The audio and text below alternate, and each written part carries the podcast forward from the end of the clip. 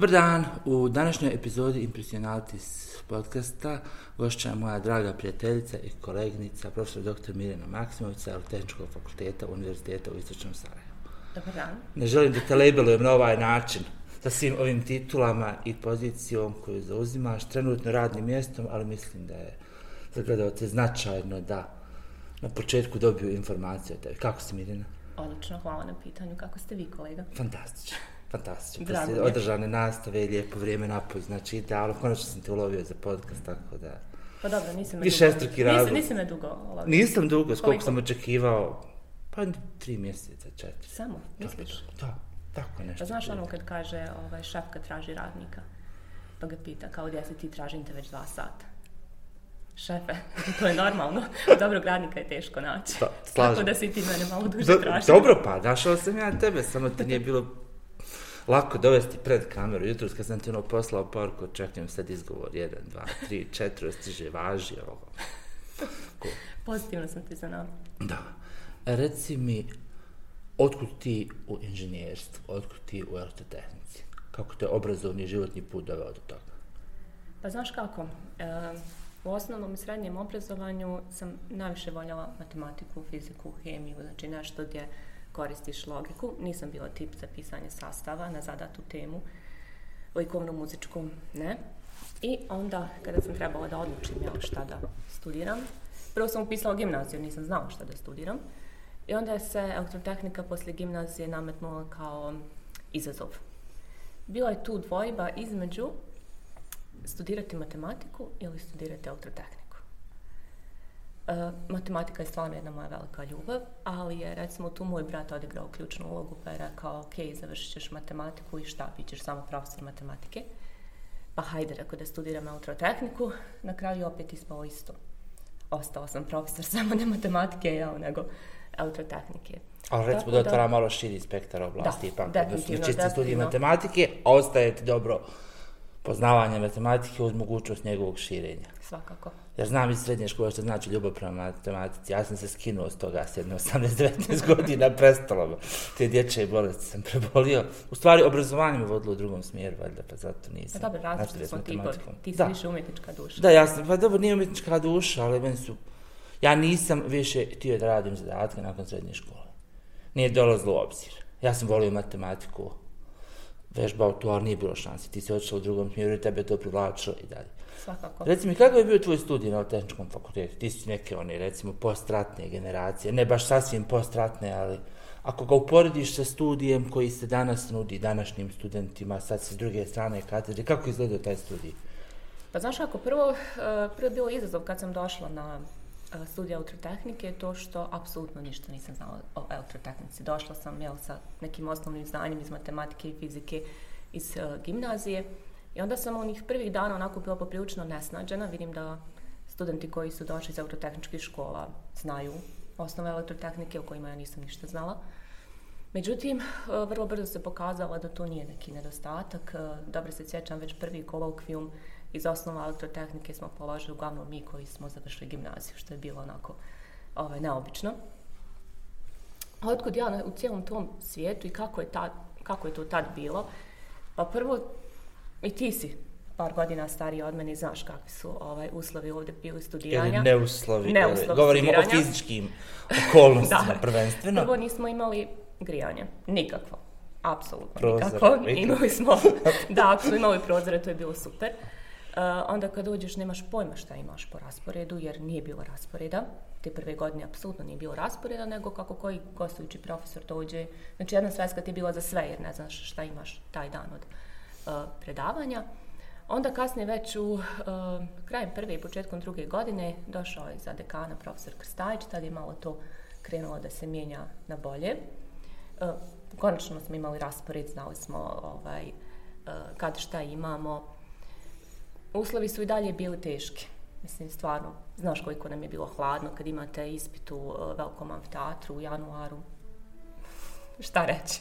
Da, da, prostorija koja nema mogućnost da se grije od 90. verovatno. Da. Onda što je recimo još bilo interesantno to što mi nismo imali jednosemestralni predmet. Ili ako smo imali, to je bio poneki. Sve su bili dvosemestralni predmeti, nismo imali ovoliko uh, ispitnih rokova kao što danas studenti imaju. To sam baš nedavno pričala s svojim studentima. Uh, slušate, počnete da slušate predmet u oktobru, tek možete u junu da izađete da polažete. Znači niste imali nikakav seminarski, nikakav kolokviju, ništa, ništa. Neko dođe iz bifla. Upravo ja to prepričavam kao neko dođe i prepriča me za vikend književnost od Beowulfa do romantizma. Tačno. Jer ti gostujući profesori su bili primorani, oni dođu za sedam dana održati cijeli predmet. I ti ono kao, okej, okay, dobro. I sad, haj se ti u junu sjeti šta se sluša u oktobru. Mislim, stvarno nije bilo lako. E, sve sad što su e, dvosemestralni predmeti, tu su kod nas bili jednosemestralni predmeti, znači recimo TAU 1, TAU 2, da to je nama bio jedan TAU, samo TAU. Teorija automatskog, teorija automatskog upravljanja. I sad, znači, ti moraš ta oba predmeta ili impulsna i digitalna elektronika. I to je, znači, bio jedan predmet, nisu bila dva. I sad kad to spomenem studentima ili elektroniku, kao ono, ko bi sad spremao od jednog dva ispita, ali tako je tad bilo. Ali šta znam, meni, meni nije nešto bilo toliko teško. Ja sam najviše voljela da uh, učim i spremam tokom zimskog perioda. Tad je onako ružno vrijeme, ne idete se na polju. Ne idete se na polje, šta ćeš da radiš, sjedi uči. E već kad je ljepše vrijeme, to je onda malo teže, jer te lijepo vrijeme vuče van. Kako ste se snalazili za literaturu? Znam da je biblioteka Tehničkog fakulteta imala određene resurse koji su bili sačuvani. Pretpostavljam su profesori donosili nešto. Jeste učili iz kopija, imali knjige. Interneta tad nije bilo, ove sad mogućnost da odješ na uh, nešto Internet je misla na imenicu. Da. Mislim da smo za tebi nekad dobili veliku računarsku salu u drugoj godini. I to smo imali ograničeno kad možemo da uđemo ovako nekad posle podnevni termin. Što je recimo još bilo interesantno, mi smo programiranje učili u svesci kao ja u srednjoj školi. Oni blok dijagrame, znači, ogromnu količinu blok dijagrama smo crtali. Tako smo radili pro, programske jezike Fortran i Pascal Basic i bukvalno u svesci vježbaš zadatke. Ne znaš uopšte da li to radi ili ne, ima li negdje grešaka ili ne, nego tek kad dođeš na ispit pa to ukucaš u računar, onda kad izbaci greška, onda razmišljaš gdje si pogriješio i šta bi mogao ovaj, da ispraviš.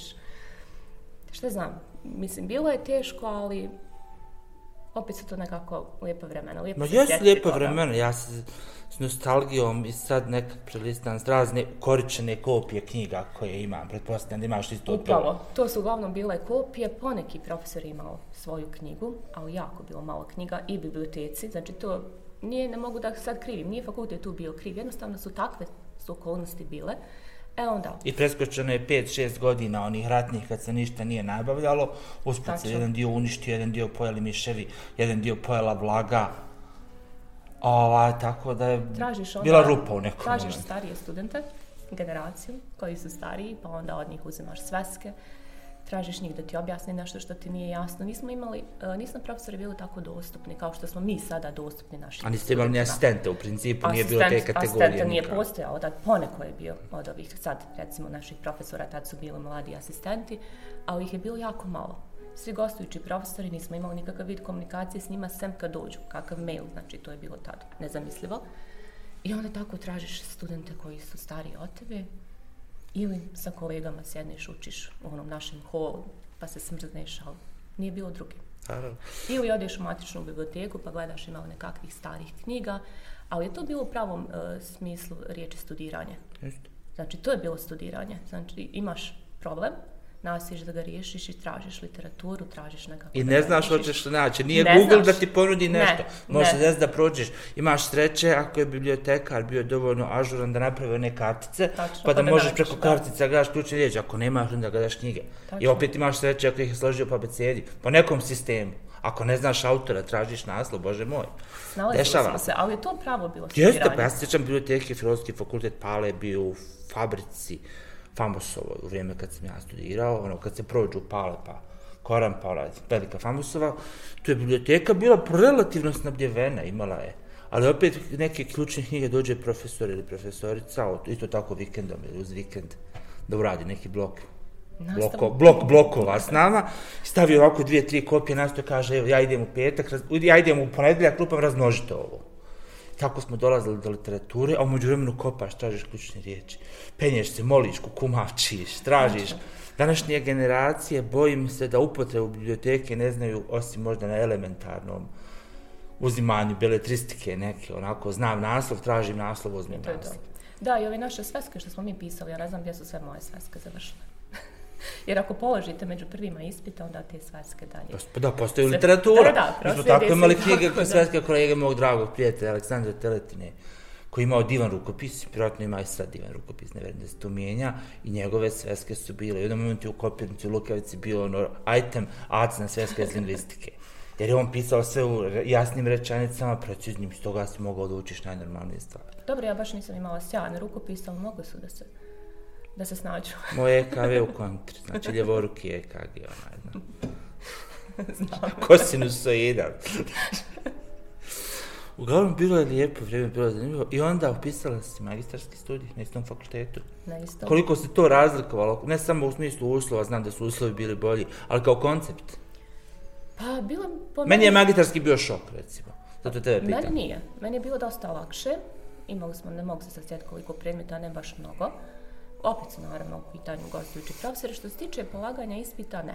To mi je bilo onako, možda čak i lakše nego na osnovnom studiju. E onda dolazimo do problema kako naći mentora za magisterski. Ja sam slučajno na Infotehu uh, upoznala tada svog mentora koji mi je predstavljen kao prijatelj prijatelja. Znači ne uopšte kao budući mentor. Jednostavno smo tu kroz neku priču i njemu je valjda trebalo mentorstvo, meni je trebao mentor i tako sam uspjela da nađem mentora, znači pukom slučajnošću, koji je stvarno bio divan mentor, Goran Stojanović iz, eh, sa Fakulteta tehničkih nauka u Novom Sadu. E, preko njega i njegovih veza sam otišla i u Beč gdje sam radila praktični dio svog magistarskog rada, što je za mene stvarno jedno veliko iskustvo. Radila sam na Tehničkom univerzitetu u Beču i taj magistarski mi je možda zahvaljujući mentoru ostao u jako lijepom sjećanju. E onda poslije magistarskog ide doktorat. Novi izazov. Da.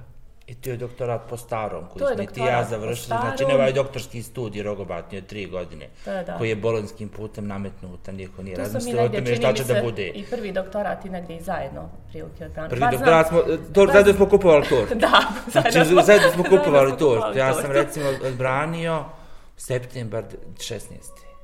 Ne, lažem, Nisi, šest- nisi. 14. 14. ja Septembar sam 14. eh, 20. oktobra 2014. doktorirala. Ili sam ja oktobar? Ne znam, sad ne objašnjati. Znam da sam Tako, i zajedno smo kupovali tortu, kod istog dilera.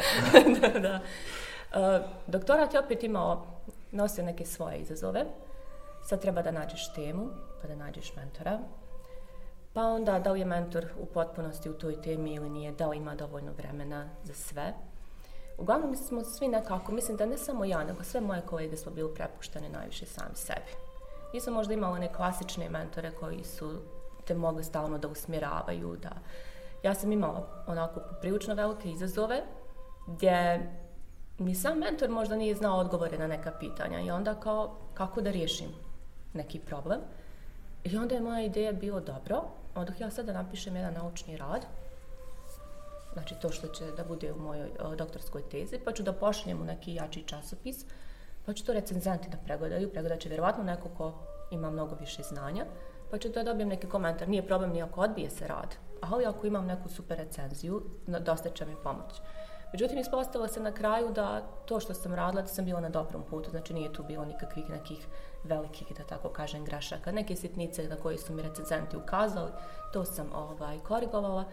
I eto, znači, od 2009. do 2014. ipak sam malo duže radila taj doktorat, ali je Dobro, ali tvoj doktorat, koliko se sjećam, uključivao je, pored e, rada intelektualnog, uključivao i neki robustan hardware i neki priličan rad na računaru. Pa, bilo je, bilo je tu svega, čak su e, recimo neki profesori mi govorili da je ovo možda i previše za jedan doktorat, jer je obuhvatilo mnogo više oblasti, da sam možda trebala mnogo ranije da kažem dosta je i da to objavim, nego sam ja tu uzela u obzir mnogo, mnogo aspekata. Je e, tema možeš mi?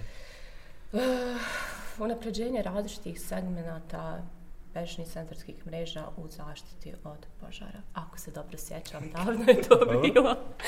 Tako da sam baš tu obuhvatila mnogobrojne aspekte. Um, analizirala sam i standarde za postavljanje senzora za detekciju požara, pa onda sam uspjela da dođem do nekih softvera gdje sam mogla da simuliram odzive tih ovaj, senzora kada nastupi uh, požar, gdje nastupi, Tako da onda smo uh, samo tada uz pomoć kolege i uh, napravili smo neki senzorski čvor, pa smo uspjeli da implementiramo i faze i logiku. Mislim, bilo je tu stvarno svega. Mislim, različiti Stvari koje si morala da učiš u hodu, vjerovatno da... U hodu, u hodu, Jasno. znači čak sam ono javu morala da učim koju do tada nikad nisam se Mhm. susrela sa njom, nisam imala nikakav predmet gdje sam mogla da je učim, pa sam morala tada da se i tim pozabavim. Sve nekako bilo i faziologika, koju također nikad prije nisam uh, srela, nisam imala koga ni da pitam za tu faziologiku, pošto je sam naziv faziji dosta Fazi, govori. fazi. On je fazi, sam po da, sebi, da. fazi. Big Tako- mazi. Tako da, eto, sve je to nekako bio izazov, ali ja volim te izazove. Meni je to interesantno, da. Očigledno, očigledno. E, pa ne znam, to što ste rekla da je mentorski rad, mi smo neku ruku tim studiranjem koji se upisala, sistem kroz koji sam ja prošao na sličan način, samo na fakultetu društvene orijentacije, na fakultetu umjetničke orijentacije, mi smo pripremljeni na samostalni rad. Jasno. Da, ako skontaš, da. prvo imamo svi detektor za to da li neko zna nešto od nas bolje ili ne. Tačno. Urođeni, kad vidiš osobu, vidiš da li ti šuplira ili zarno vlada informacijama koje su tebi relevantne i u skladu s tim znamo da se prilagodimo. Taj tvoj metod da pošalješ rad i tražiš. Scenzi je odlična stvar jer je to je neko ko te ne zna, ko neće nastupati Tačno. s pozicije moći, jer mentor, htjeli mi to priznati ili ne uvijek nastupa s nekog vida pozicije moći, kao nekog ko ima više iskustva od. Ono, ovako je to bilo, ono, Pa naravno, ne možeš ti očekivati od mentora da sve zna. Naravno, ne znam, ja nisam u životu imao do sad samo jedno mentorstvo, pošto je matični fakultet je na Palama, ja radim na ETF primarno tako, a, a i vrlo relativno mali broj se ljudi odlučuje na master zbog neriješenog statusa mastera u našoj državi u odnosu na to kako je provučen kroz zakon, ali ovo jedno mentorstvo koje sam imao, to je bio neki zaostali magistarski po starom, znači nešto je ostalo iz prijetnog sistema pa je bio rok da se završi, uvijek sam na, nastojao sam Ljubaznost, prijatnost u komunikaciji, mislim da je to osnova prosvetnog rada. Tebe koliko znam, ti tako funkcionišeš sa studentima i sa ljudima. Nije fol da te neko čeka sedam dana. Naravno. Pogotovo u Naravno. vrijeme kad svi realno primimo mail odmah kad nam ga neko pošle. Svakako. Da, nije fol da student kaže, je Bože, smijem li ga nazvat, smijem li je nazvat. A mi, jer mi smo bili u tom sistemu, tih tom nekom sistemu, koliko god da su to bilo dobro ljudi, bilo je tu puno onih nekih apsolutnih veličina, ljudi koji su sebe vidjeli jako visoko i koji su sebi davali za pravo da raspolažu živcima i vremenom. Pa i ne samo to, znaš kako, uh, kod mene je tema bila multidisciplinarna, uključivala obuhvatala je mnoge ljudi. savremene tehnologije. Da. Pitanje je da li je mentor u toku sa svim tim novim tehnologijama. Jasno, jasno. Naravno da ne može čovjek sve da isprati i onda ne možeš ni da očekuješ da ti on pomogne u svim Jasno, aspektima, ali, ali feed, gledaš... samo feedback neki, Da, da, primarni. ali onda ti gledaš kako možeš da riješiš. Upravo se vraćamo na ono, znači to je upravo to studiranje u pravom smislu te riječi. Imam problem i gledam znači, na način kako mogu da ga uspješno riješim. Kako misliš današnja generacija Z da rješava takve probleme? Sa svim googlovima, sa libgenima. Da, oni imaju više informacija, ali nekako koriste manje. Prilikom studija, ja takav osjećaj. Pa. Vide se nekim jest. najkraćim stazama. Pa jeste ono, liniju Uči se manjeg iz otpora. skripte, uči se iz zadatka, uči se iz prezentacije. Mene nekad bude krivo kada vidim da ne, da ne vjerujem da ne mogu ili da nisu sposobni, ne. Nego bih više rekao da nisu zainteresovani da povežu različite oblasti ili da neko znanje iz jednog predmeta iskoriste za nešto drugo. Jer mi kad predajemo nešto na trećoj, četvrtoj godini, osnove su trebali da steknu na prvoj i drugoj. I sad kad ih nešto pitam, ja, pa mi smo to davno učili, to je bilo na prvoj godini. Prije dva vijeka. Da, da, da. Prije dva. E, to mi 1800 recimo- je neke, tad smo slušali predavanje. Da, da. Bio je profesor Homer. Šta mislim? E, to mi bude nekad krivo, e, jer smatram da oni stvarno mogu, ali da su se nekako previše oslonili na sve ono, ma lako ću, ima sve na internetu, naći ću na internetu. Ma to je još jedan problem. Današnji studenti, današnji mladi ljudi već na nivou srednje škole dolaze sa kritičkim stavom ili ga stiču o tome šta im treba, šta im ne treba. Da, ima i toga. Znaš, izuzetno su opinijated, da upotrebim englesku riječ u vezi s tim i daju sebi to za pravo. Da li se to nosi iz kuće, iz nekog prethodnog iskustva ili neiskustva, iz nekih opštih floskula ili nekih opštih e, lokacija u prostoru i vremenu na kojem dobijaju informacije, ne znam, ali činjenica je da imate gomilu studenta koja dođe i kaže, evo, meni to neće trebati, ja ću to samo da preletim. Da, ti sa 19 Mi godina, nismo imali 20 pravo na znaš, mišljenje. da. Nismo uopšte razmišljali. Ja sam bio svjestan da sam imao monstruozno veliku količinu pedagogije, psihologije, opšte lingvistike, srpskog jezika. Da, u drugoj godini engleskog, jer nismo imali puno anglista profesora, pa smo imali ovo u kontinuitetu, ovi ostali kad dođu. Ali nisam dovodio to u pitanje. Da, mi nikad nismo nastupali baš Sam kako dovodio, sa to je stavom, bilo tako, bio sam svjestan što, što je to tako. Ovaj profesor je tu, matičan je, u, to, u tom objektu ovi nisu dolaze sa strane. Kad dođu ovi sa strane, hvataju ih u letu, ali ne pružaju otpor ovo. Ja sam imala fizičko na prvoj godini. Oleg ili gruje. Da. Oh. I nikad mi nije palo na pamet, ono kao, to nama ne treba, šta će mi fizičko na autotakmici? Ne, meni je to čak bilo interesantno, super. Idemo napolje, trčimo. Pa da, nešto... Danas ima puno, puno mišljenja, valjda je to ogromna količina informacija koja ide u skraćenoj mišljenje, formi. da. Svi imaju pravo na Da, svoje da mišljenje. iznesu svoje mišljenje. Svi imaju pravo na... I da iznesu i da ga se drže. A u principu vrlo često i kad prođe neko kroz fakultet dobiješ neki polovični rezultat. Meni je strašno kad neko prođe kroz fakultet, završi fakultet i ne zna priča o tome što je studirao. Razumiješ, imaš takve ljude, oni jednostavno su izašli iz sistema, vjerojatno znaju nešto praktično da radi, bilo, ali nemaju sliku o tome šta su studirali. Da, nemamo cjelokupnu sliku. Nemaju Ne cjelokupnu sliku, nego nekako, imaju fragmente koji su ih zanimali ili fragmente za Nekad koje su imam mislili osjećaj, će im dati novac. uh, nauče, polože predmet isto kao da sve ispari. To je to. Dobro, pa, pa se završava, mislim, e, e, ne deformatira se. Recimo tako. Ja sam imao to sa predmetima koji me realno nisu puno zanimali, ili kad je bila frka, pošto sam išao dva fakulteta uporedo. Ono, prespavaš. Ja sam učio ujutru, ne po noći, nego ujutru. Isto, legnem u isto. 7-8, pa se probudim oko 2-3, i onda to što učim to jutro izbiflam, uradim nešto pismeni, oko 12 ja sam prazna. Disketa koja se spava. U to vrijeme nije bio hard disk, bio floppy, znači tad sam prazni floppy kojim se spava. E ono što se nakon dva, tri dana isfiltrira iz toga, to ostane kao neke trajne informacije.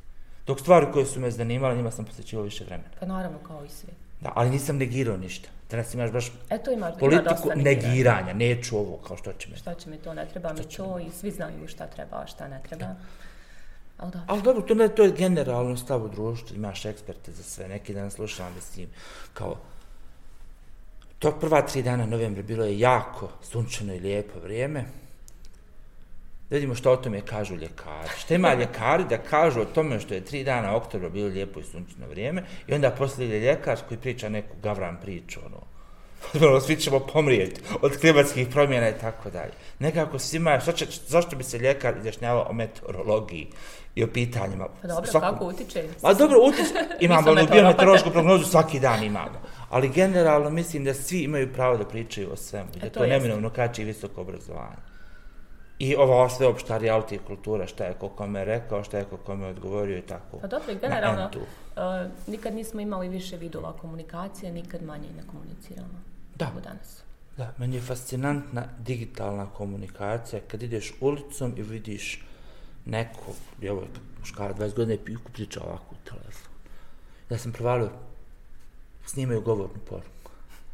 Čak je mrsko i dobro. Meni je istad komunikacija da nekog zovem na telefonu, strane su mi SMS, znaš, mislim, imao je sklonost prema Viber, društvenim mrežama i tako dalje, Facebook imam, ali ga koristim za lične stvari, da imam podsjetnik na pjesmu koja mi se dopada, ako napravim neke slike dobre i tako, ne koristim ga ni za što privatno, niko ne može saznat ništa o meni viška sa Face, Instagram i te stvari nemamo, ali danas nekako sve puno virtualno. Najnormalnije je komunicirati, ako si s nekim 100 metara udaljen, da komunicirati Pa digitalno, dobro, isto otići na kafu, vidiš otići u da kafiću prošetaš. da sjedimo ti ja na kafu i svako će biti na svom telefonu. Apsolutno.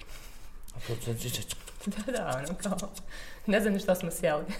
Da, sjećam se jedne prilike je neka bilo, ne znam, post, nakon neke svadbe ili rođenja djeteta, nemam pojma, jedna situacija gdje sam bio, ono, ne znam, ljudi, sjede tri, četiri lijepe našminkane djevojke sa ovolikim noktima, sjede ovako svaka, ono, kao, progovorite, znaš. Kako nam je bilo super. Ne, bilo je, bez, bez, bez telefona je bilo, imalo neke surove romantike u tome, da kupiš onu halo kartu, da niko ne zna cijeli dan gdje si, da se ne javiš nikom. Pa se dogovoriš danas za pet dana Da, da, dogovoriš, se da, naći da, da, nekim, ili onaj osjećaj da se, dok dogovorim se u 12, da ću se naći u 8. Znaš, sad nema ono, je, skrenuo. Da, A što, ja neću ni ja onda još. Ne, čekaj, smrzavaj se. imalo je to svojih Imalo je to i šćari i šarme i svega. Ja ne kažem da je današnja generacija lošija, bolja, gora od nas. Drugačiji su koncepti drugačiji i ne želim da se osjećam kao broj jedan iz Alan Forda, sinko moj, kako bilo u moje vrijeme. Ne, ali činjenica je da vrijeme u kom smo mi studirali, a nešto smo postigli, očigledno je na neki način valjalo vrijeme, ali smo valjali mi. S obzirom znamo Nešto kako je bilo vrijeme, recimo mi smo valjali, ajde, recimo bez lažne skromnosti, ali opet i taj neki slobodni sistem studiranja koji smo mi imali, da neko dođe iz bifla ode, dođe te ispita, sistem bez kolokvijuma, tako dalje, ipak je doveo do toga da smo mno- mnogo osposobljeni za samostalan rad. To jest. Da ćemo skočiti na glavačke u neku oblast iz koje znamo tri riječi, proći kroz tri, četiri knjige, skenirati ih i znati, više, znati 50 riječi, Tačno. od kojih možemo da pravimo nešto. Pa evo i danas. Evo sad imamo internet, mi kad smo studirali nismo imali internet, pričali smo kako smo se snalazili. Ali evo i danas, mi nemamo pristup nekim značajnim bibliotekama. Nemamo. Nemaš licencirane softvere. A nemaš isto tako, nemaš sistematsku biblioteku. Ti kod nas nemaš nijednu biblioteku koja ima kontinuitet, kao što recimo ima kontinuitet neka biblioteka u Americi, u Tačno. Austriji i tako da je da sad sistemski 100-200 godina skuplja sve knjige iz države relevantne, časopise. Nemaš kod nas sve biblioteke s koca konopca, postdejtonske, ratne, predratne, donacije, poklon, nemaš sistem. Da, Možda se pravi sistem zadnjih 20 godina, Da, ali ali... nemaš ni pristup bazama nekih drugih. Jasno, ja razumijem što pričaš, ali I onda šta? Imaš u suštini Google, imaš internet. To je sve što imaš. Kako se snalazimo, to svi znamo. da. Jel, svako Ima, sajt, ima sajtova, Ima hvala sajtova, Bogu, ja. Sahab, Libgen i tako dalje, Tačno. da reklamiramo.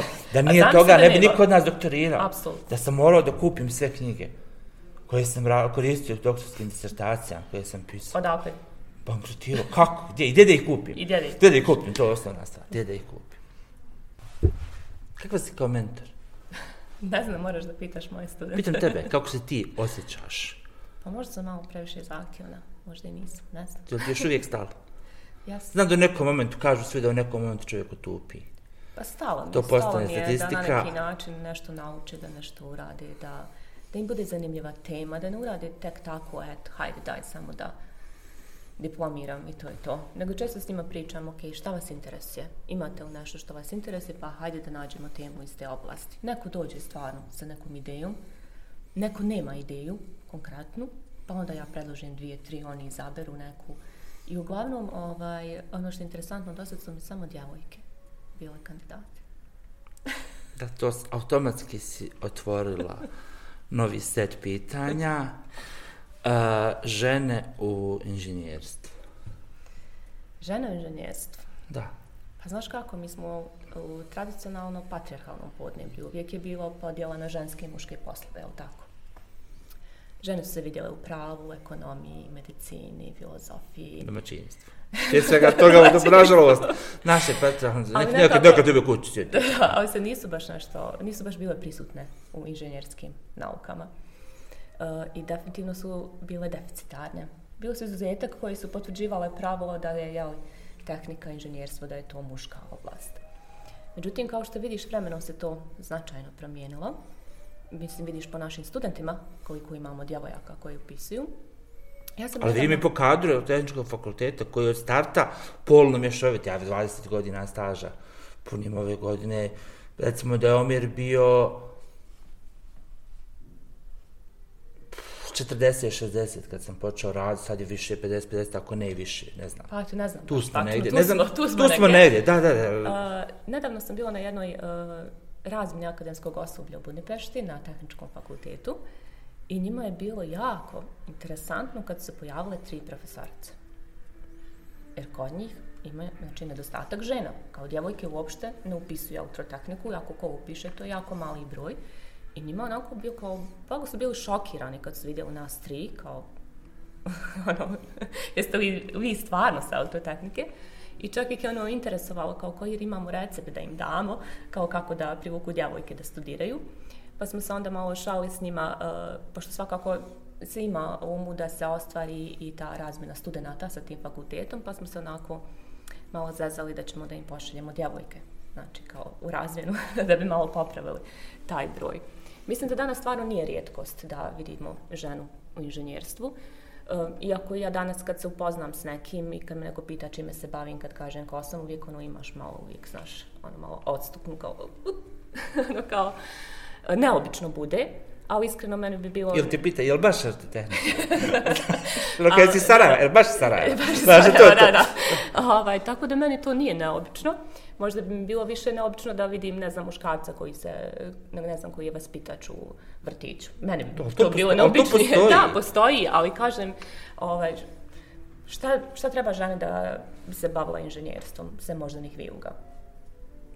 Znači, ne treba mi apsolutno nikakva fizička ništa, snaga. samo je setup takav neki defaultni Da, bio i mislim, da je... i mislim da uh, mi žene smo malo više kreativne i da imamo više smisla za detalje, što je u elektrotehnici nekad Vrlo, koristi. vrlo bitno, da. Koristi, da. da. Pogotovo ako može glava da padne. Znači, neko pogrešno ispoje. da.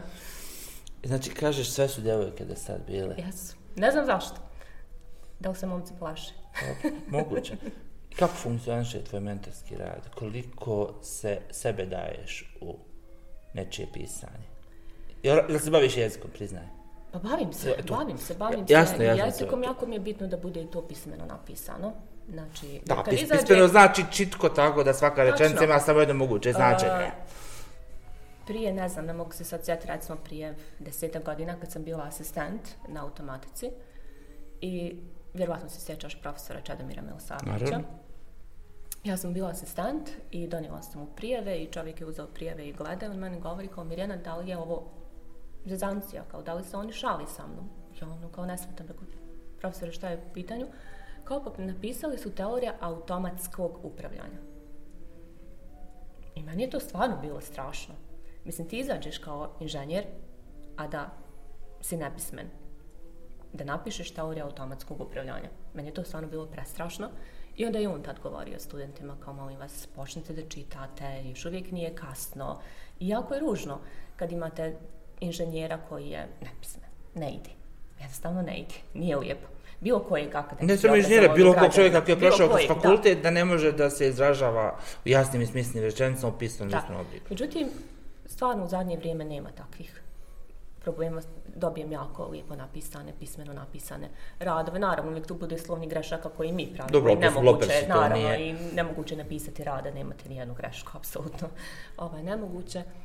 Uh, ja nastojim, uh, kad radim sa svojim studentima, da to bude što prije i što efikasnije.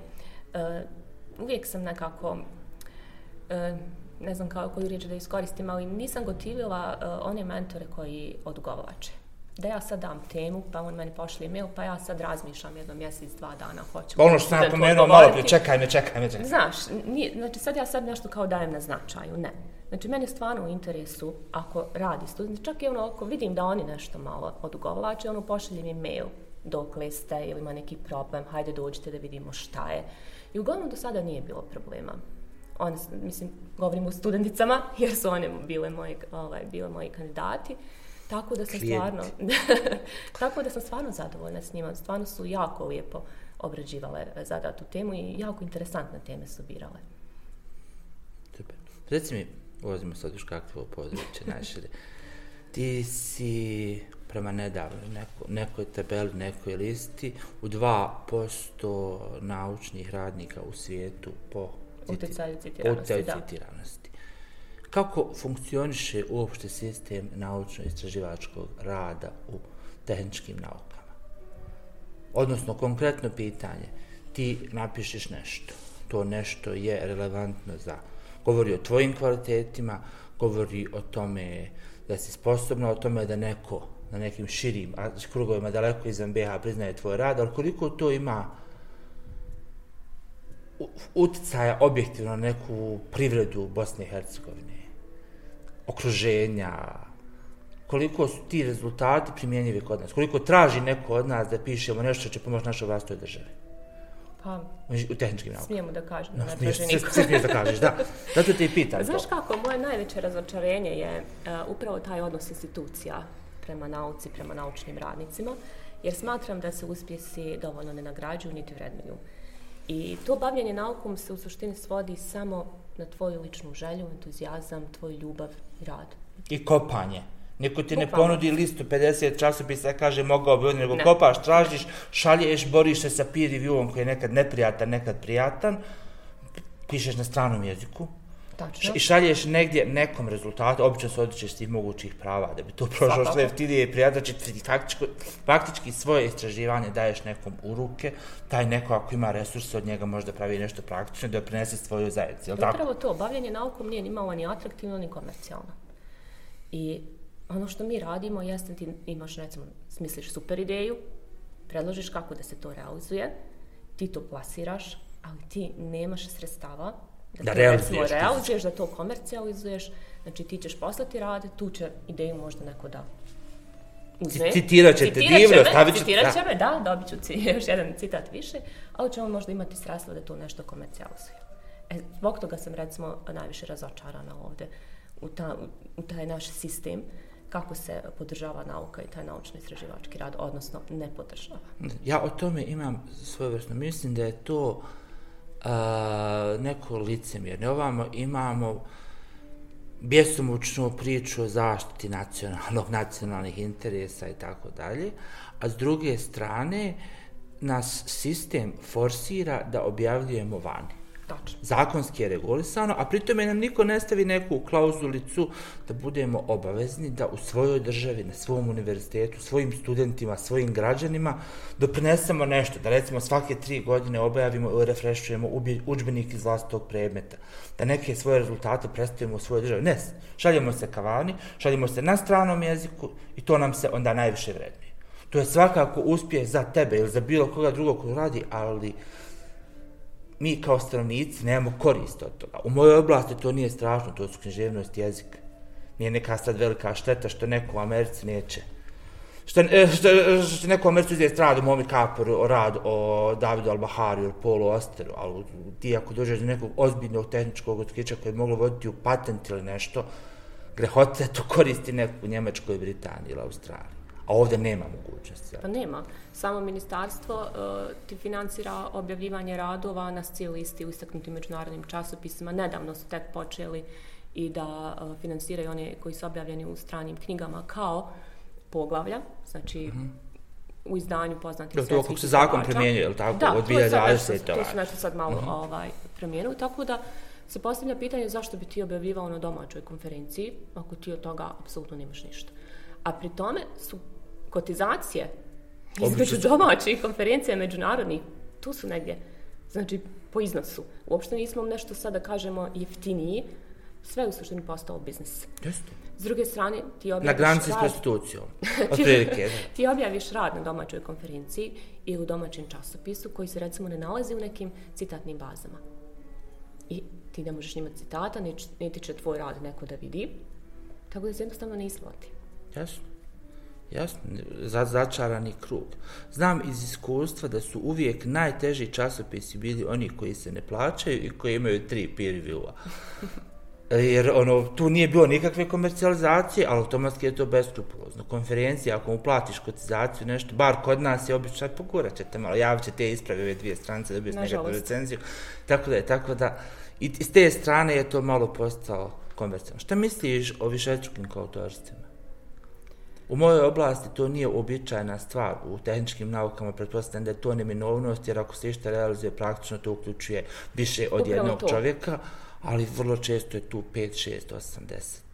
Pa znaš kako, ako se radi neki ozbiljni eksperiment, neki ozbiljan naučno-istraživački rad koji obuhvata više različitih disciplina, onda je to sasvim u redu. Ali ako Naravno, ukoliko količina teksta prati količinu, jer smiješno je kad na 2000 riječi sa abstraktom bude 6, 7, 8. Da, ali nažalost ti si ograničen uh, na neki, uh, nekim konferencijama 4 do 6 strana. Jasno, znam. Možda smo mi svi učestvovali, i možda i stvarno jesmo učestvovali i ti ćeš možda vidjeti 10 autora na radu, opravdano su tu, ali ti jednostavno imaš ograničenje stranica i morao se Jasno, napišeš jasno. 4 do 6 stranica. Nažalost, tu je veći problem to potpisivanje, Odnosno dopisivanje. dopisivanje. koje obično nastu ide s pozicije moći.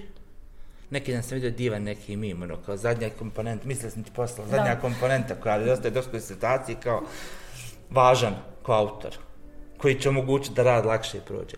Ima i toga, Dopis- a ima i toga što sam ja primijetila, hvala Bogu ne na našem fakultetu, ali recimo primijetila sam na drugim fakultetima da e, kandidati imaju neku obavezu ili ne znam, duguju nešto mentorima pa su dužni da ih potpišu na radu, što je meni onako prestrašno. Jeste. Da ja sad, samo zato što si ti meni mentor, ja tebe moram da Ali to se podrazumijeva u Ili zato što većini... si ti meni profesor, ja sam tebi asistent, bez obzira što mi nismo radili zajedno na tom radu, ja tebe treba da potpišem. Znači, meni je to onako iskreno rečeno strašno.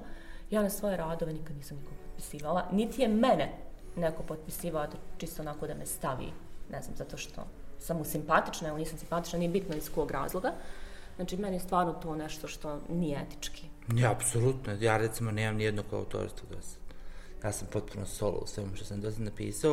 U tehničkim naukama puno ne shvatam kako izgleda kao ako nije pretirano, ali politika dopisivanja, pogotovo dopisivanje sa pozicije moći je Da. u neku ruku licemjerno, jer ti praktično kroz rad potičinjenih, odnosno studenta, kandidata, tako dalje, ispuniš svoju kvotu naučno-istraživačke djelatnosti za godinu dana.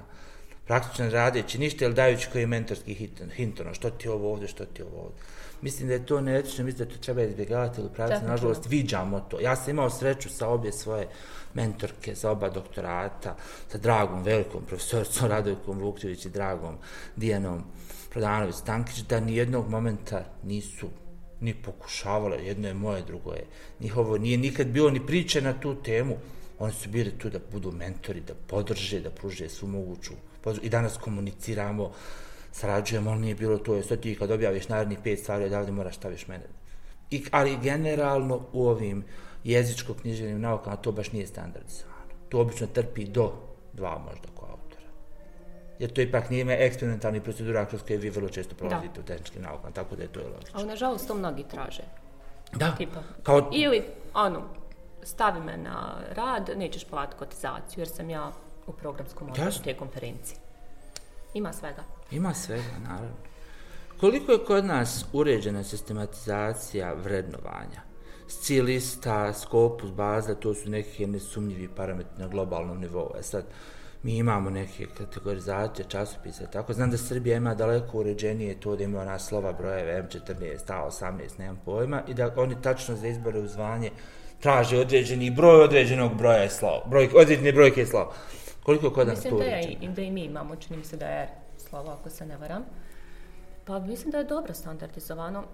Prije to baš nije bilo tako. Znači, nije, um, kad ste se birali u veći izbor zvanja, čini mi se da nije pravljena razlika u tome da li imate objavljen rad na domaćoj konferenciji, imate objavljen, do, eh, rad na nekom, eh, u nekom časopisu na listi, što je jako ogromna razlika.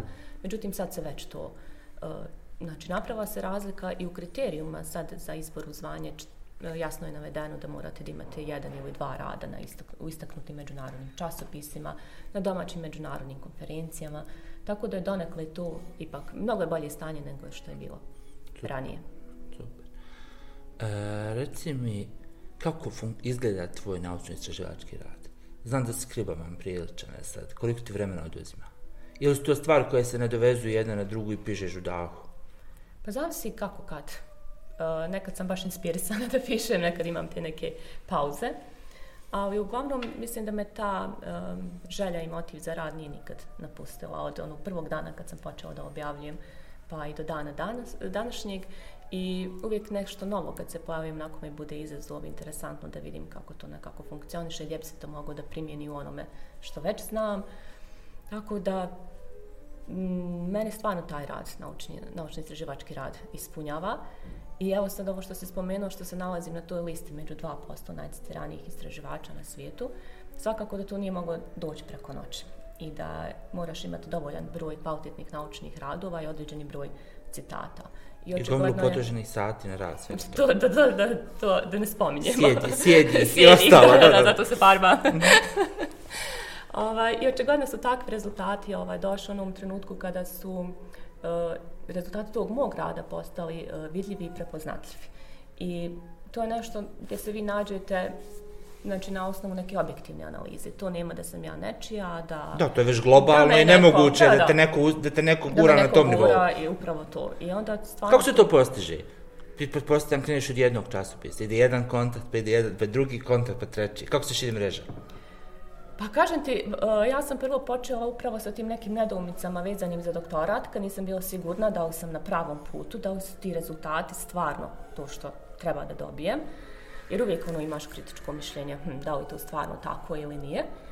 I onda pošalješ u neki jači časopis i kad vidiš da je to prošlo, onda dobiješ onako malo više samopouzdanja i onda kreneš polako. Uh, kreneš da, da dobijaš i pozive od tih časopisa da objaviš. E, meni recimo bilo interesantno prvi put kad sam dobila poziv da pišem poglavlje za knjigu. To mi onako stvarno bila neka velika čast da mi neko ovaj, ukaže. I onda jednostavno tako krene. Vadete ljudi vide, prepoznaju, vide da se iz te oblasti, oni pišu knjigu, u stvari editori su uređuju neku knjigu, imaju znači spisak nekih autora koji bi mogli da doprinose svojim radom, pošalju pozive i jednostavno se to tako nekako širi. Javljaju vam se ljudi, prepoznaju neki uh, vaš rad, neki doprinos, ako ste ih citirali, oni vas citiraju, jednostavno se širi ta mreža.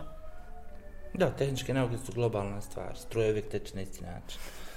Razumijem tako da se mnogo lako, lako je uspostaviti veze ako je kvalitet nesumnjiv. Lako je.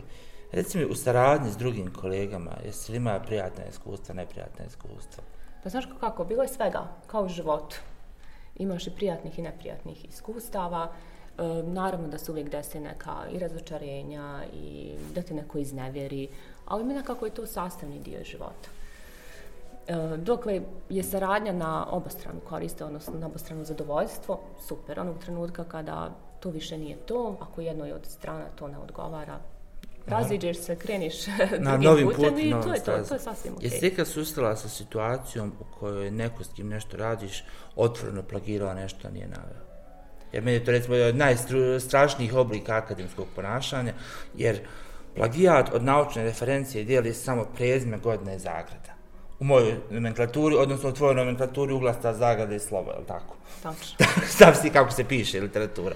Jesi ti kad sve s tim? Znaš kako, mogla bih na tu temu, ali bih radije izbjegla odgovor. Recimo da sam imala nešto slično, ali sam uspjela na vrijeme da prepoznam i da odreagujem.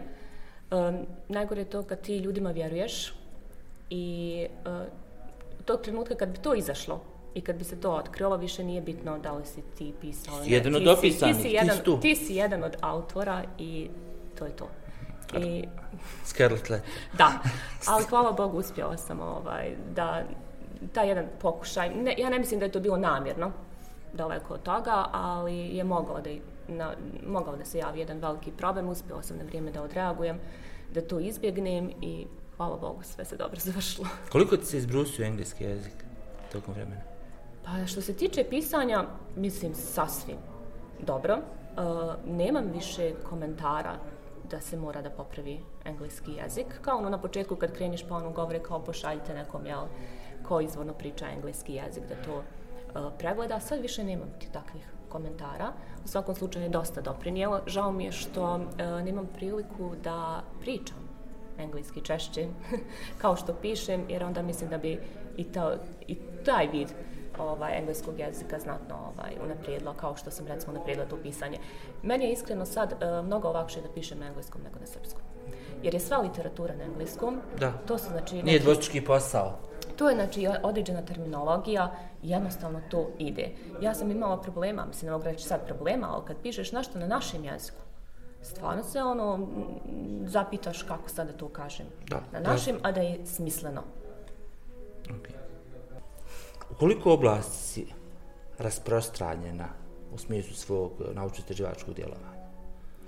jer jedan dio toga, pretpostavljam, proizilazi iz doktorata, drugi dio iz saradnje s nekim drugim nesrodnim oblastima? Mislim, šupljiram, znam nešto o tome, pa zato vadim informacije odatle. Koliko je to daleko otišlo? Pa moja oblast interesovanja su informacijno-komunikacijne tehnologije savremene, naravno, obuhvatajući internet stvari, petu generaciju mobilnih komunikacijnih sistema, nanotehnologije. E, sama ta oblast interesovanja se dalje proširila sa, za primjenu tih savremenih informacijnih komunikacijnih tehnologija. Pa sam imala radove sa primjenom u poljoprivredi, u medicini, u marketingu, e, sada znači u zadnje vrijeme ono čime se bavim jeste i energetika, tako da je Možete raditi sa očuvanjem crkve, je li tako? da, Internet da, da, kao, crkvi, heritage, je, da, da, i to, tako da je meni to jako interesantno, znači Jeste. da vidim gdje se sve te savremene komunikacijone tehnologije ovaj, primjenjuju i šta, s- e, kakve sve e, doprinosi i poboljšanja donose. Meni je Internet of Things jedna od stvari zbog kojih mi je žao što nisam inženjer. Jer ja nigdje, apsolutno nigdje ne mogu da ugradim Internet of Things u oblast kojim se ja bavim.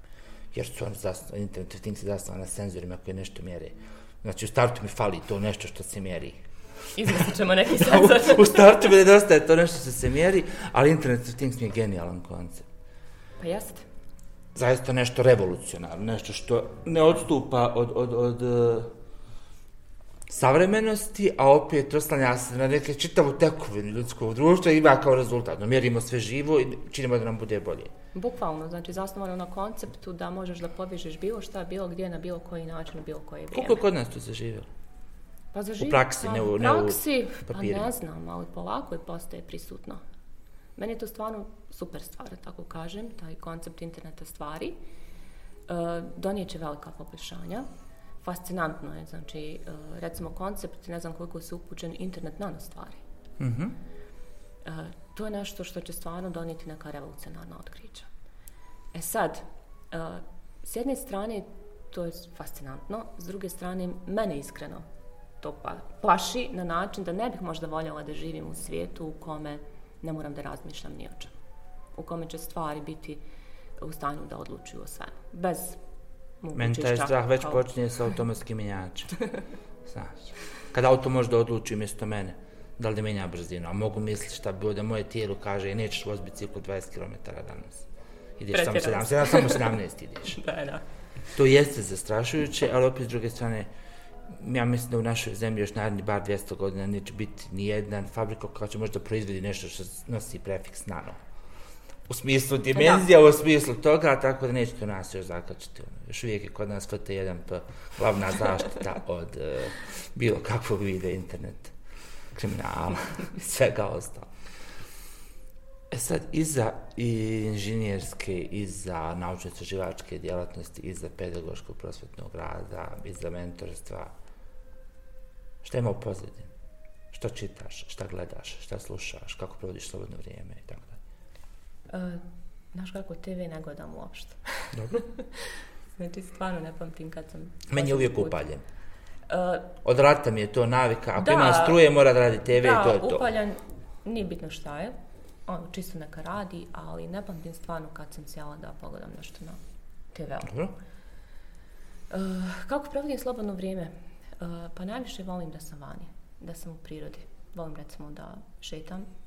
To mi je recimo neko zadovoljstvo da, ne znam, da odeš na vrh Trebevića, vrh Jahorine, bilo gdje da putuješ. To je nešto što me onako ispunjava i volim Jel ti aktivnost. istraživački rad i rad omogućuju putovanja? Pa naravno, naravno. E, zahvaljujući tom naučno-istraživačkom radu sam bila u zemljama u kojima vjerovatno ne bih otišla ovako. E, to je recimo dobra stvar što nekad e, možda ti je, ne mogu reći žao, ali ono kao uvijek nađeš izgovor, pa ne mogu sad da odem negdje, a onda konferenciju iskoristiš kao izgovor samom sebi, aha, ne idem ja zbog svog ličnog zadovoljstva, nego moram, to je posao, pa onda odeš, znaš. Tako da sam baš zahvaljujući ovaj, tim naučnim radovima ovaj, posjetila mnogobrojne zemlje ovaj, u Europi, što mi je naravno onako pričinjavalo zadovoljstvo kad spojiš i, i privatno Da, i da, poslovno. naravno, naravno. Tako da volim da putujem, volim da a, vježbam. Teretana mi je recimo jedan od izvora relaksacije. Šta čitaš? Nažalost, Osim stručne literature. osim stručne se literature, lijepo a, izražavaš da ne čitaš ništa, nemoguće, znači čitaš nešto. Vjeruj da čitam šta mi onako u tom trenutku dođe pod ruku. Znači sad da imam neki da kažem tačno šta, me, šta mi je sad interesantno pa čitam tu oblasti u taj žanr, ne. Nego jednostavno mi nekako te knjige dođu pod ruku. A sad ovo što kažeš, najviše što, što čitam su nažalost su ti ovaj, naučni radovi. I ovaj, sad sam se sjetla e, jednog našeg kolege kojeg neću imenovati, ali koji će se prepoznat ako bude slušao ovaj podcast, pa kad se čujem sa njim, kad pitam šta radiš, kaže pa evo skinula sam danas 25 naučnih radova da pročitam, da vidim šta ima novo. I to je očigledno ovaj, sasvim dovoljno da pročitaš u toku dana da ti nije do nekog drugog e, uh, vide čitanja. Dobro, ali ja mislim da to vremenom pređe u skening. Pa dobro, Znači, ima i toga, ono, ima i tehnika toga. dijagonal, tražiš ključne riječi, gledaš treba ti, preskačeš uvod u većini slučajeva jer se odnosi nešto Naravno, opšte, gledaš preska- gledaš zaključak, gledaš abstrakt, u sredini tražiš to nešto. Nekad naslov mnogo obećava kad skiniš taj rad. Skontraš da nije ništa, da nije. ovaj, e, ništa, ali ne, to je neophodno da bi ti e, pratio ove savremene tokove. Znači, neophodno je Da, samo da to si- ima. Mi nemamo nikakav na nivou države žurnal ili nešto ovako koji se bavi savremenim. Znaš, čak i o jeziku ne obavještavaju blagovremeno. Znaš, pojave se nova pravila onako, eto. Nemamo A. sistematski ono da svaki deset Pa godina ništa, sve obrazovne da. instituti novi pravopis. Ništa, Jel, elektronski. Proguglaj. Proguglaj, bukvalno proguglaj. Proguglaj i naći ćeš. Muzika, film, serije. Jesu li to bitne stvari u životu ili služe za popunjavanje vremena ili su pozadina? Pa meni su više to onako neke sporedne stvari, da ti iskreno kažem. Dobro. Uh, muziku slušam uh, u autu, dok vježbam, tad slušam muziku. Uh, uglavnom je to ona strana muzika, uh, rock domaći, znači ono nekad, nekadašnja Ono što muzika. današnji klinci zovu XU kao žanr. XU, to- da. mi smo iz tog vremena XU. A mi smo ti Mi smo- ekseri. Mi smo tim, ba, baš ovu savremenu muziku iskreno rečeno i ne razumijem. ne razumijem koncept, ni, niti šta pjevaju iskreno. Nisam iz tog uh, svijeta. Uh, filmovi, uh, evo recimo sad mi je bilo interesantno što smo imali festival malih scena, uh, to recimo volim kad imamo takve neke ovaj, događaje da možemo da posjetimo. Nažalost, nemamo puno toga, ali kad imamo, ovaj, volim da odem ovaj, u pozorište. I uglavnom što se tiče filmova i tih pozorišnih komada, uh, uglavnom biram uh, neke komedije. Znači nisam za te neke drame i tako nešto, istorijske filmove, ne. Da je samo neku komediju, nešto da je opušteno. Sat i po odmora glave. Upravo to, da se onako malo resetujem. Je li više voliš film ili pozorište? Pozorište. Što? Također, ali da čujem tvoje argumente, što? Pa ne znam, nekako mi je to mnogo, da tako kažem, intimnije. E, Evo sad, baš kad sam bila, imala sam priliku da budem možda u nekom prvom, drugom, trećem redu, više se ne sjećam. Kad vidiš ekspresije na licu, Da, I to je sve live, to je sve uživo u tom Sve momentu. to uživo u tom trenutku. E, Bilo je čak i nekih njihovih gafova i to mi je tako bilo interesantno. Vidiš da nije to planirano, da se desilo u toku predstave. Ovaj, ali mi je interesantno kako se oni tu snađu, kako nastave. Ne znam, nekako mi je... Nije mi, nije mi vještački previše kao što je recimo Da, na filmu gdje je sve izrežirano. Da, nema ponavljanja, nego je sve onako kako jeste, pa i taj neki gaf onako bude simpatičan.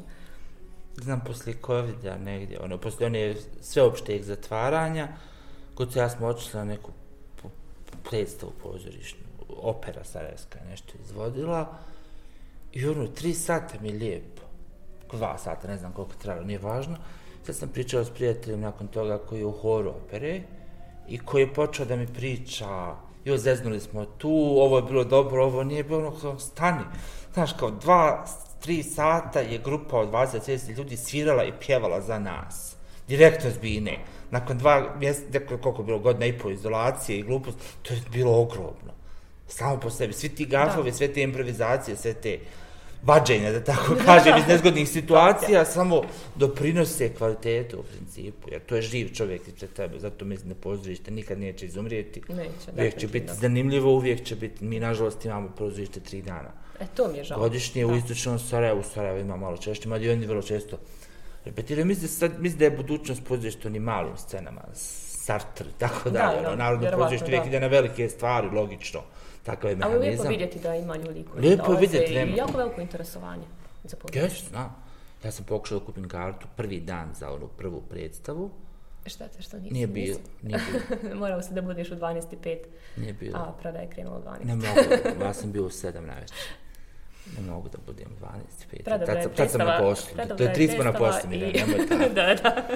Znači, ja sam htio zbog one Nele glumice. Divna je. Ona Divna je, generalno. znači, oduševila me.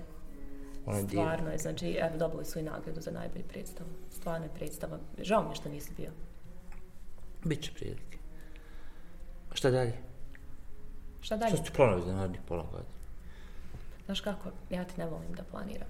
Dobro, generalno neki, neki draft. Iću negdje, radit ću nešto, pisat ću nešto. Hoće ti ikad prvo pišeš prozu, poeziju, nešto tako, nešto što nije Ja tehničko. ne mislim da sam talentovana za tako probala? nešto. Pisala sam kao dijete pjesme. Dobro. Bio sam neki Dobro, stihokolibac. ali ti si kao dijete vozila bicikl, nisi bilo penjala se po drveću, jel tako? Pa te prošlo s vremena, jel tako? Pa dobro Pa, sam. par preloma tu i tamo i to je to. Ma nisam sigurna da me prošlo. I dan danas vozim bicikl. Ove, do duše ne penjem se po drveću. Šta dalje? Pa ne znam, a, ima tih a, konferencija koje mi se čini interesantnim, a, časopisa za koje imam namjeru da pišem. Sad mi je trenutno cilj da napišem još jednu knjigu koja mi je neophodna za izbor u zvanje, za napredovanje. To mi je recimo taj neki prioritet, to bih valjala da napišem u narednom godini dana. Monografiju ili udžbenik? Pa udžbenik. Uh, udžbenik Ja mislim da nama što... hronično nedostaje udžbeničke literature toga, vlastite. upravo zbog toga što nam nedostaje udžbenik. Ja sam zato sam, radio udžbenike. Ja sam ovaj odgovorni uh, nastavnik na dva predmeta, mislim na više predmeta, ali pod nazivom ajde osnovi telekomunikacija i prijenos podataka da suzim samo na ta dva. Protekla knjiga je napisana za eh, e, prenos podataka, sad je znači osnove telekomunikacija na redu. Imali smo problema godinama i znam da su studenti e, onako se često dovijali na različite načine kako da spremi taj ispit, jer imamo neku knjigu iz 77. koja je jako debela I naravno, mislim, neće To nema veze sa savremenim tehnologijama. Ne, ne, što se tiče osnova telekomunikacija, to je okej. Okay. To je isto, tu se ništa ne mijenja realno. Znači, kad, se, kad je riječ o osnovnim, osnovama telekomunikacija. Tu se ne obrađuju ove savremene, pa onda to nije problem. Nego sami um, setup sistema i Ma da, to je znači ono opšti model komunikacijnog sistema, kako sve to... Da, šta je ovaj, informacija ma, i to? Da, šta je informacija, modulacija, demodulacija i ostalo. Tako da mi je sad cilj da napišem jednu knjigu koja bi bila znači, rezultat tog mog predavanja svih ovih godina uh, predmeta osnove telekomunikacija i mislim da će to u značajnoj mjeri studentima olakšati polaganje ispita, kao što mislim da im je ovaj učbenik iz prijenosa podataka sad uh, ovaj, olakšao da znaju znači, šta spremaju, iz čega da uče, da ne moraju da traže iz više izvora. Da, Drago mi. E, hvala, bilo mi je zaista zadovoljstvo. Well, it did.